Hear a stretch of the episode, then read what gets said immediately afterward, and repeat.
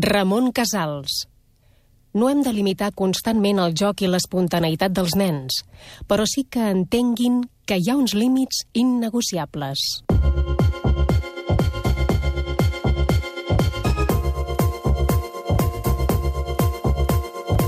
Una ocasió, una mare tenia una entrevista amb una tutora i la tutora li va dir el seu fill necessita que li posin límits. I la mare va respondre doncs digui'm on són els millors límits del mercat que ara mateix vaig a comprar-los-hi. Aquesta anècdota explica d'alguna forma la concepció materialista i econòmica de l'educació, que molt de pares pensen que enviant el seu fill a l'escola o pagant una bona escola pri privada ja hem complert amb el nostre deure com a pares.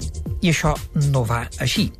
L'educació, l'autèntica educació, requereix atenció, requereix dedicació i requereix, a vegades, inevitablement posar límits. I els pares, a vegades, no sabem com posar límits. Ja bé, ens passem i posam uns límits exagerats, com per exemple no veuràs la televisió durant un mes, de qual cosa ja sabem que això no se podrà complir, mm?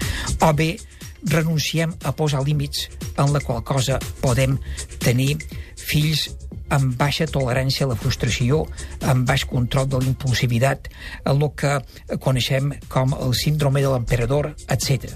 Hi ha evidències que assenyalen que nens aquí on tenen un alt nivell d'impulsivitat, una baixa tolerància a la frustració i que no se'ls ha posat límits, anys posteriors, quan ve l'explosió de l'adolescència, poden ser un autèntic perill públic. Per això és molt important que professorat, famílies, pares i mares aprenguin a posar límits i aprendre i a posar-los amb amor i de forma equànim i equilibrada.